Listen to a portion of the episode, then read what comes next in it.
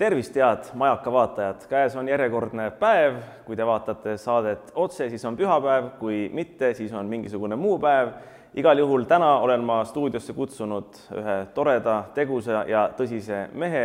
härra Alar Karis, tervist! tere päevast! Te olete Eesti Rahva Muuseumi direktor, rääkige, kuidas Eesti Rahva Muuseumil läheb alustuseks no eks kõikidel muuseumitel ja mitte ainult muuseumitel läheb äh, praegu täpselt nii, nagu äh, võimalik minna on, et eks me oleme samamoodi ootame neid paremaid aegu ja loodetavasti nüüd siis, kui me täna siin seda salvestame, siis viiendal äh, kuupäeval peaks meie muuseum uuesti lahti minema ja kõik on oodatud ja loodame, et leiavad tee tagasi muuseumisse. no see on tore, aga kui me vaatame nüüd enne seda koroonaaega ja Eesti Rahva Muuseumi uue hoone avamist et kuidas enne siis seda koroonaaega äh, läks, et kas läks nagu tõus, tõusvas joones, läks nagu nii, kui, kuidas oodatud alguses või, või oli, oli natuke teistmoodi? ei no ma usun, et ta läks enam-vähem nii, nagu ikka läheb, kui avatakse uus äh, muuseum või uus kontserdisaal või uus teater, siis rahva huvi on alati väga suur. ja siis ta ühel hetkel stabiliseerub ja enne koroonat äh, tal oligi meil suhteliselt selline stabiilne, oma kakssada tuhat ja natuke peale inimest aastas, nii et poleks nüüd seda koroonaviiruse aega olnud, siis see aasta tähistaksime miljonit eh, külastajat, nii et oleks siis miljon inimest on käinud siis Eesti Rahva Muuseumis. Eh, nojah, aga ütleme, seda koroonaaega võib pidada ka natukene järelemõtlemise ja plaanimise ja planeerimise ajaks. Eh, kas on mingisuguseid niisuguseid plaane ka tuleviku osas tehtud, mida nüüd teistmoodi teha, ütleme, kui enne selle viiruse aega? No eks ikka ta natuke mõjutab, aga ma olen nagu selle klubi inimene, kes, kes arvab, et väga suurt mõju see koroonaviirus lõpuks ju ei avalda. ja mida meie teeme, me kindlasti ka kõik need sammud, mis me siin praegu teeme, nagu te ütlete, et aeg on siin nagu mõelda ja, ja alla seada, siis me need sammud ka, mis tunduvad, et on nagu koroona kontekstis tehtud, siis tegelikult me vaatame ikka pikema aja peale ette, et, et need võimalused, mis täna nii tehnilised kui ka sisulised meil on, et need siis rakenduksid hiljem ja noh, üks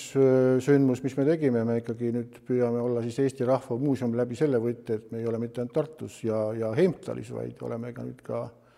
suve algusest alates ka Tallinnas, nii et Rotermanni kvartalis on ka näha Eesti Rahva Muuseumi esemeid. aga see jääbki nagu niimoodi või, või on see kuidagi hooajaline? ei, see plaan on ikka selline, et me oleme püsivalt ajutiste näitustega Tallinnas. püsivalt ajutiste näitustega, väga hästi aga ütleme siis niimoodi, et äh, Eesti Rahva Muuseum, nagu te ilusti ütlesite, nagu kõik muuseumid, äh, minu arvates nende probleem on nagu see, et sa käid ühe korra ära, et aga kas teist korda tagasi tulla, et kas niisugust asja nagu ei ole, et noh, seal peab nagu ilmselt väljapanekuid muutma, aga on mingisugune püsieksposi-, püsi, püsinäitus, kui kõik Eesti rahva liikmed siis ära käivad seal seda vaatamas, et eh, kuidas siis seda huvi äratada, et ta uuesti tagasi tuleks? nojah, kõigepealt, kui me jõuaks nii kaugele, et eh, kõik inimesed ära käiks ühe korraga Eesti Rahva Muuseumis, siis on juba, siis on juba kõva samm edasi, sest isegi meie siin need uurimised näitasid, et isegi tartlastest nelikümmend kolm protsenti pole Eesti Rahva Muuseumis käinud. aga see, et nad tagasi tuleks, no see ongi muuseumi sisuline töö, et ega meie püsinäitus, mis nüüd me oleme teinud katseliselt tasuta kolmeks kuuks ja jätkub ka pärast uste avamist et, äh, et see toob ka inimesed sinna juurde ja meie püsinäitus on üles ehitatud sellisel viisil, et ta ka pidevalt täieneb. ja et ta ei ole staatiline ja meil on seal püsinäituse sees ka selline osa või saal, et äh, tee ise oma näitus, nii et äh, iga aasta me kuulutame konkursi välja, kus siis rahvas ja osaliselt ka meie valime siis välja ühe näituse, mida meie inimesed aitavad teha ja, ja, ja inimesed siis täiesti võhikud muuseumimaailmast teevad siis oma näituse, oma idee panevad meie muuseumisse ülesse. no ja lisaks on arusaadavalt meil ju ajutised näitused ja praegu on meil muinasjutunäitus, kus, mis on väga populaarne ja mitte ainult laste hulgas, vaid ka täiskasvanute hulgas. nii et see on viis, kuidas muuseumisse tagasi tullakse ja no lisaks muidugi kõik need sündmused, mis seal toimuvad. et kui on korra käidud ka ühel üritusel või kontserdil või teatrietendusel Eesti Rahva Muuseumis, võib-olla tekib siis kiusatus tulla ka, ka muuseumisse näitusi vaatama ei no niimoodi ta on. no mul samasugused mõtted on olnud näiteks ahaa külastamisel, et väga tore on küll, aga, aga et äh, põhimõtteliselt kas nüüd teist korda tagasi tulla, aga samas Eesti Rahva Muuseumis ma olen päris mitu korda käinud, et äh, olen näitusi käinud vaatamas. Äh, aga olen käinud ühel kabareetendusel, mis minu arust oli väga tore. minu arust taolisi üritusi võiks nagu rohkem korraldada jah, kindlasti, eks, eks me kogu aeg ju vaatame ka, et kui me midagi teeme, et et oleks ka rahvast ja rahvast see ka huvitaks, eriti need suured üritused. noh, eks meil on nüüd ka väga suuri üritusi seal, mida me tõsi, ei ole ise korraldanud, aga mis on tulnud tänu Tartusse just ju tänu Eesti Rahva Muuseumile, poleks Eesti Rahva Muuseumit, ei oleks siin Metallica kontserti olnud ja tõenäoliselt ei oleks olnud ka Rally Estoniat. nii et esimene kontakt on alati olnud selliste suurte ürituste puhul meie muuseumiga, kui meie oleme nagu seda aktsepteerinud, et see sobib eh, meie igapäevaplaanidega, siis on, on liigutud edasi. Ei no eks see peabki olema selline sümbioos. aga Eesti Rahva Muuseumi kohta on öeldud ja vist see on tõsi, et ruumid on küllaltki suured, et kuidas te hindate et kas see ruumikasutus on nagu täna efektiivne või saaks nagu tõhusamaks kuidagi muuta seda? no kindlasti saab, ma olen seda ka avalikult välja öelnud, et, et enne kui me vaatame siin ringi, hakkame uusi, uusi hooneid ja võimalusi otsima, et tuleks vaadata, mis võimalused täna on Eesti Rahva Muuseumil,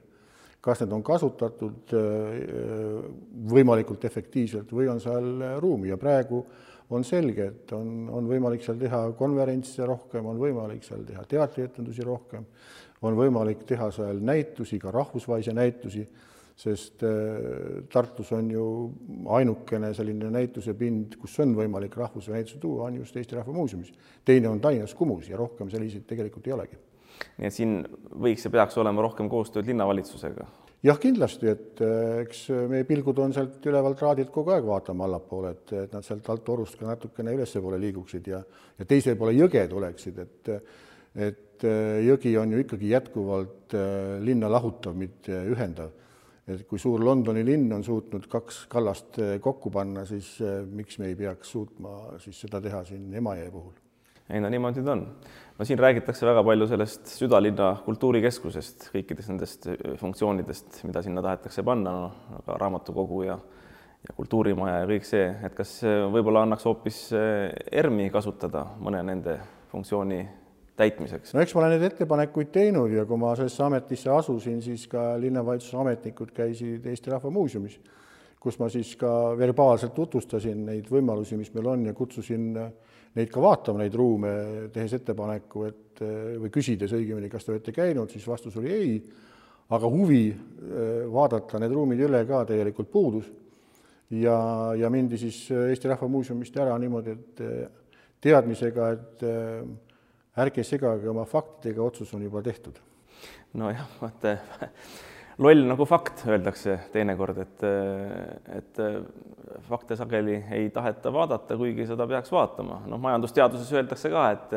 et tegemist on ratsionaalsete indiviididega, ratsionaalsete inimestega, aga päriselus vist sageli sellest ratsionaalsusest on puudu. no eks me näeme sedasama Kultuurikeskuses ja kõik need vaidlused oleks ju võinud ära toimuda varem mina ei vaidlusta seda otsust, kas ta peab siin teises või kolmandas kohas olema, mis mina olen rõhutanud, on see, et kõiki alternatiive tuleb kaaluda.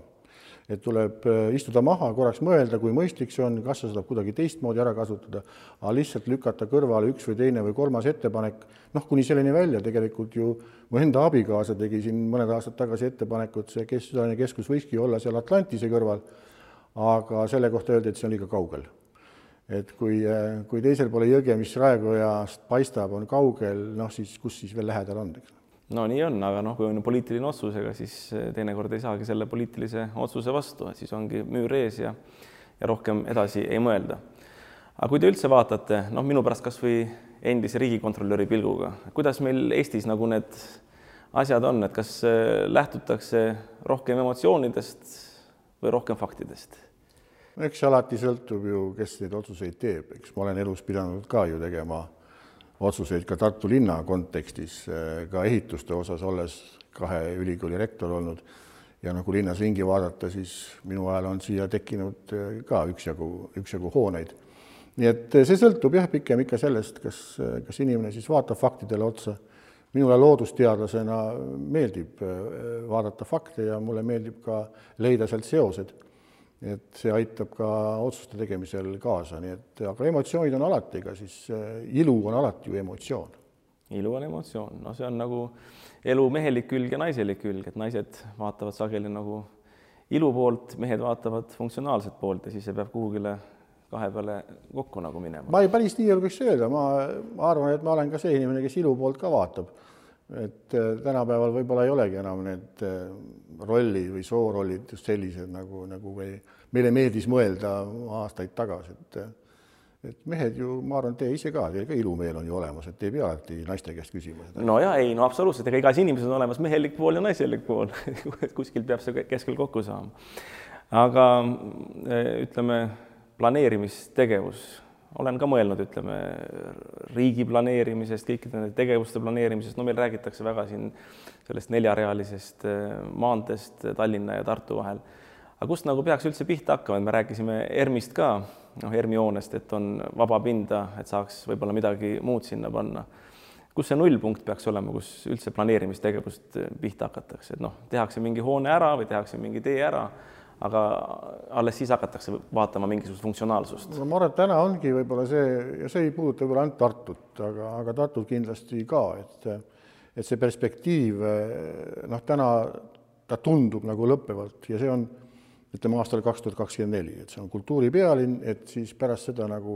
lõpebki kõik ära, et Tartu saab otsa. et tuleb mõelda ikkagi kaugemale, noh, vähemalt kaks tuhat viiskümmend, et mis siis, millisena me kujutame ette Tartut või tahaksime seda näha. Ja, ja kui me vaatame sedasama Eesti Rahva Muuseumit, siis minu kabineti tagant ju algab juba vald. see tähendab seda, et kaks kolmandikku maja on valla, vallamaa peal, aga, aga noh, ei pea olema suur, suur tark, et, et Äh, ennustada, et ikka ühel hetkel see vallaosa kindlasti on linnaosa. ja see tähendab seda, et tuleks maha istuda ja mõelda, kuidas see piirkond ja mitte ainult see piirkond areneks. Et piirduda ainult kesklinna osaga, et seal on täna probleem, et inimestel võib-olla ei ole midagi teha peale kohvikute istumise, see on kõik õige. aga, aga ei saa keskenduda ainult nii-öelda projektipõhisele äh, maailmale, vaid tuleb natukene vaadata kaugemale, nii nagu tehti üheksateistkümnenda sajandi alguses, kui kui ülikooli planeeriti ja, ja linna koos sellega.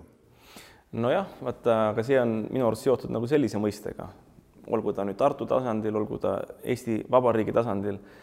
eesmärk, et kas Eesti Vabariigil on eesmärk või milline see eesmärk on? Ja kui me räägime praegu Tartust, et noh, et mis see Tartu eesmärk on siis, mida kahe tuhande viiekümnendaks aastaks ütleme siis kätte püüda ja siis need tegevused, mis on vajalikud selle eesmärgi saavutamiseks?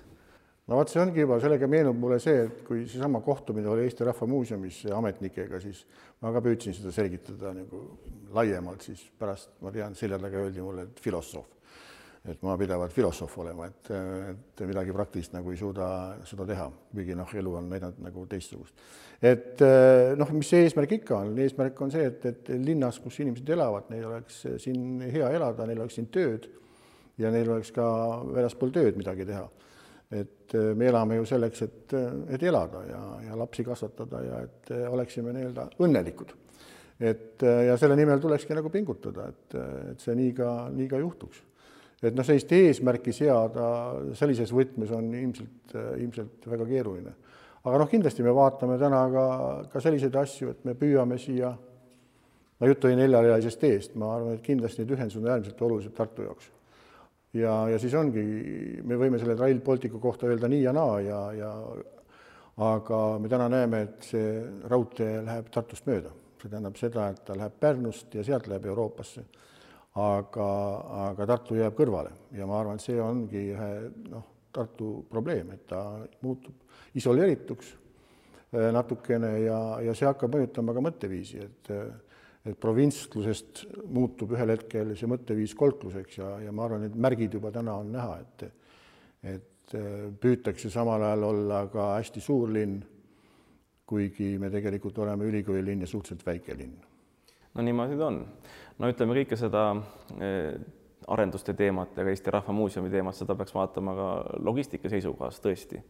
et kuidas näiteks inimesed, noh, kui tuleb Rail Baltic, kas tuleb siia mingisugune vahelõik, ütleme Pärnust või Tallinnast siis Põige Tartusse või ka Tartu lennujaam, et kuidas äh, sealt oleks ligipääs näiteks noh, sellesamale Eesti Rahva Muuseumile, sellepärast et vaja on ju ka lõppkokkuvõttes klientuuri, neid külastajaid, eks ole. Lõppkokkuvõttes taandub see ka sinna, kuna meil on rahapõhine ühiskond, et raha sisse voolaks nii meie linna kui meie riiki. ja selleks ongi üliolulised need ühendused, noh, kaasa arvatud see lennujaam näiteks mis peaks hakkama ka tooma siis neid vaatajaid Eesti, Eesti Rahva Muuseumisse näiteks. no ühendused ongi olulised, ega ma olen ikka sedasama näidet toonud, kuigi nende maailma näidetega tuleb äärmiselt ettevaatlik olla, tuleb panna ka sellesse võtmesse, kus nad on tekkinud. Aga no näiteks Taanis on kõige külastatav kunstimuuseum on nelikümmend viis kilomeetrit Kopenhaagenist, see on kõige külastatav muuseum. see tähendab seda, et kaugus ei oma tähtsust, tähtis ongi see, et kuidas ta on ühendatud ja mis seal tegelikult sees toimub et sama on ju ERM-iga, noh, ERM-i puhul on ju lihtne, me oleme kesklinnast kaks kilomeetrit, kakskümmend kilomeetrit jalutuse kaugust. aga mina olen seda öelnud küll, et meie lennujaam Tartu mõttes on Lennart Meri eh, lennujaam. See tähendab seda, et kui see ühendus oleks piisavalt hea, tund-poolteist eh, Tallinnast siia, siis, siis see ongi, see ongi Tartu lennuväli et kui te vaatate, noh, kas või sealsamas Londonis millest juttu oli, Heathrow'st ja mõnest teisest Stanstedist sõidab ju tegelikult veel kauem kesklinna kui, kui siis Lennart Meri lennuväljast. nii et need ühendused on äärmiselt, äärmiselt olulised. aga mitte ainult see, ega siis Tartu linna puhul ju, mis on ju täielikult, noh, ma ei saa öelda täielikult, mis on puudu, on ikkagi tööstus, ütleme, kõrgtehnoloogiline tööstus. täna veel räägitakse ravimitehasest, no loodame, et see ühel hetkel ikkagi sinna Maarjamaa välja tuleb et see loob uued töökohad ja see loob tõesti nagu nutikamad töökohad, kui võib-olla varem on aga arvestada tuleb ka seda, et eh, ega siis kõik inimesed, meeldib see meile või ei meeldi, ei ole nutikad. see tähendab seda, et on vaja ka töökohti neile, kes, kes teevadki oma tööd oma võimete piires ja, ja parema tahtmise juures, nii et eh, ma arvan, see tööstuse tekkimine Tartu jaoks on, on äärmiselt, on äärmiselt oluline, me näeme, et teistes linnades ta juba tekib, küll välistööstus, nii Narva kui siis võib-olla ka Paldiskisse siin akutehas, mis võib ka Narva tulla ja toob noh, Narva puhul seitsesada uut töökohta ja ma arvan, et Tartus on see tähtis. siin on Tartu puhul räägitud ka, ka filmikeskusest sinnasama Raadi lähedale või Eesti Rahva Muuseumi lähedale. Ma ei oska hinnata, mitu, mitu filmistuudiot Eestisse ära mahub, aga, aga fakt on see, et see toob täiesti uue tegevuse Tartusse, mida Tartus varem ei ole olnud see toob uued inimesed, uutmoodi mõtlemist ja, ja ma arvan, et selles võtmes peab äh, ka linna arengus vaatama, et siia tekiks uusi tegevusi juurde, mitte et me ei keeruta neid, äh, neid vanu kogu aeg ringi. ei nojah, te olete üks väheseid inimesi, kes seda välja toob ja tootmist ja üldse ettevõtlust rõhutab, sest äh, sageli noh, eriti just poliitikud ja ametnikud, nemad näevad seda asja teisiti, nemad vaatavad, et raha tuleb kuskilt eelarvest, aga loomulikult majanduse alus on tootmine ja, ja on ettevõtlus ja alles siis saab seda ümber jagada ja siis saab ka teha kultuuri ja puhuda pasunat ja ja torupilli ja nii edasi, tantsida, tantsida rahvariietega seal laululaval kuskil. No eks me näemegi, et, et noh, see tööstus on oluline, et ainult selliste väikeste idufirmadega, need on ka olulised, ma üldse ei taha neid maha teha, et need on kindlasti vajalikud, eriti ülikooli linnas nagu Tartu aga, aga sellised suuremad tootmisettevõtted peavad siin olema, muidugi need peavad sellised, mis ei reosta keskkonda või vähemalt võimalikult vähe seda teevad. ja tänapäeval on tehnoloogiad, mis, mis on suhteliselt keskkonna, keskkonnasõbralikud. Nii et ma arvan, selles võtmes tuleb Tartut kindlasti edasi arendada, et siin selliseid, selliseid tööstust nagu rohkem juurde tuleks. no nii ta on, sada protsenti olen nõus. aga noh, siin me rääkisime sellest, et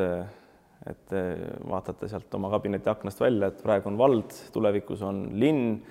Noh, niimoodi võiks ju lõputult minna, rääkisite ka sellest, et eh, Lennart Meri lennujaam võiks olla Tartu lennujaam. ega siin me tegelikult jõuamegi lõppkokkuvõttes sinnamaani, et eh, noh, Eesti on täna nagu killustunud omavalitsusteks, iga omavalitsus vaatab oma mätta otsast. Või ka võib öelda, et Eesti on mõnes mõttes killustunud ametkondadeks, iga ametkond vaatab oma mätta otsast. aga sellist keskset planeerimist, kas on või minu arust ei ole no ega, kas kõike ilmselt ka keskselt planeerida ei saa, aga mingisugune arusaam ju võiks olla, eks seesama haldusreform, noh, paljud ju täna juba tunnistavad, et oleks võinud teistmoodi teha, eks ole. kuigi paar aastat või natuke rohkem tagasi oldi väga selle vastu, et, et see võiks ju piirduda täna, tänaste maakondadega, et need ongi haldusüksused ja seal sees saavad ju olla, saavad olla siis minu pärast kas vanade kihelkondade baasil või, või või elu saab ju korraldada hoopis teistmoodi ka nende omavalitsusüksuste sees. ja noh, siis ongi tekkinud samad kurioosumid, mida me siin täna näeme, et Tartu puhul eh, ühel pool lõpeb linn ära kolme kilomeetri pärast kesklinnast ja teisele poole me liigume kakskümmend kilomeetrit Elva jõe lammile, kus siis Tartu linn lõpeb. ja järgmine aasta peaks siis tulema Tartu linnas eh, künni maailmameistrivõistlused. nojah, niimoodi ta on, niisugused kurioosumid on aga no ma peangi silmas midagi taolist, nagu te ütlesite, et eh, näiteks Lennart Meri lennujaam on, võiks olla Tartu lennujaam, aga võib-olla olekski tulnud seda juba algusest peale siis niimoodi teha, et et ühesõnaga seda lennujaama, mis seal on, seda ei oleks teinud, selle raha oleks kulutanud võib-olla hoopis sellele, et korralik raudteeühendus luua Tallinna ja, ja Tartu vahel, aga vot seda ongi takistanud nagu see, et et Tartu kui omavalitsus tõmbab enda poole, Tallinn tõmbab enda poole, seal vahel on veel mingid omavalitsused, kes kõik tõmbavad enda poole. no eks nende tagajate tarkustega on, eks, ega mul, minule meeldib ka targutada, et kui oleks, eks ole, ja, ja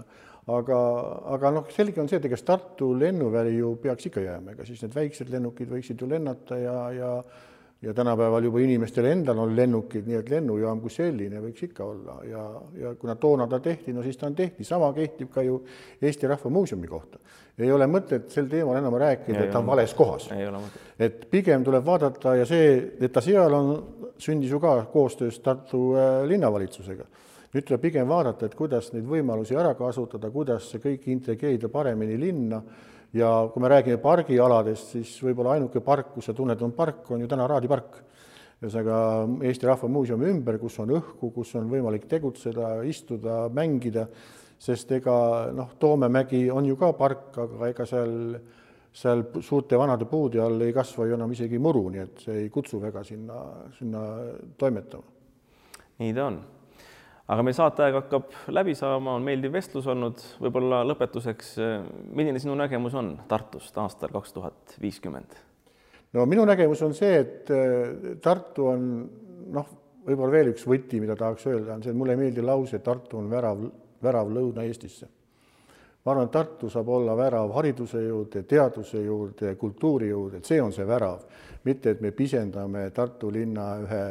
geograafilise terminiga, mida siis me ütleme, et on Lõuna-Eesti. nii et minu sõnum ongi see, et Tartu peaks olema värav teadmiste juurde ja, ja see ongi kõik. absoluutselt, olen nõus. head saatevaatajad, sellised olid tänased mõtted, kohtume juba järgmisel korral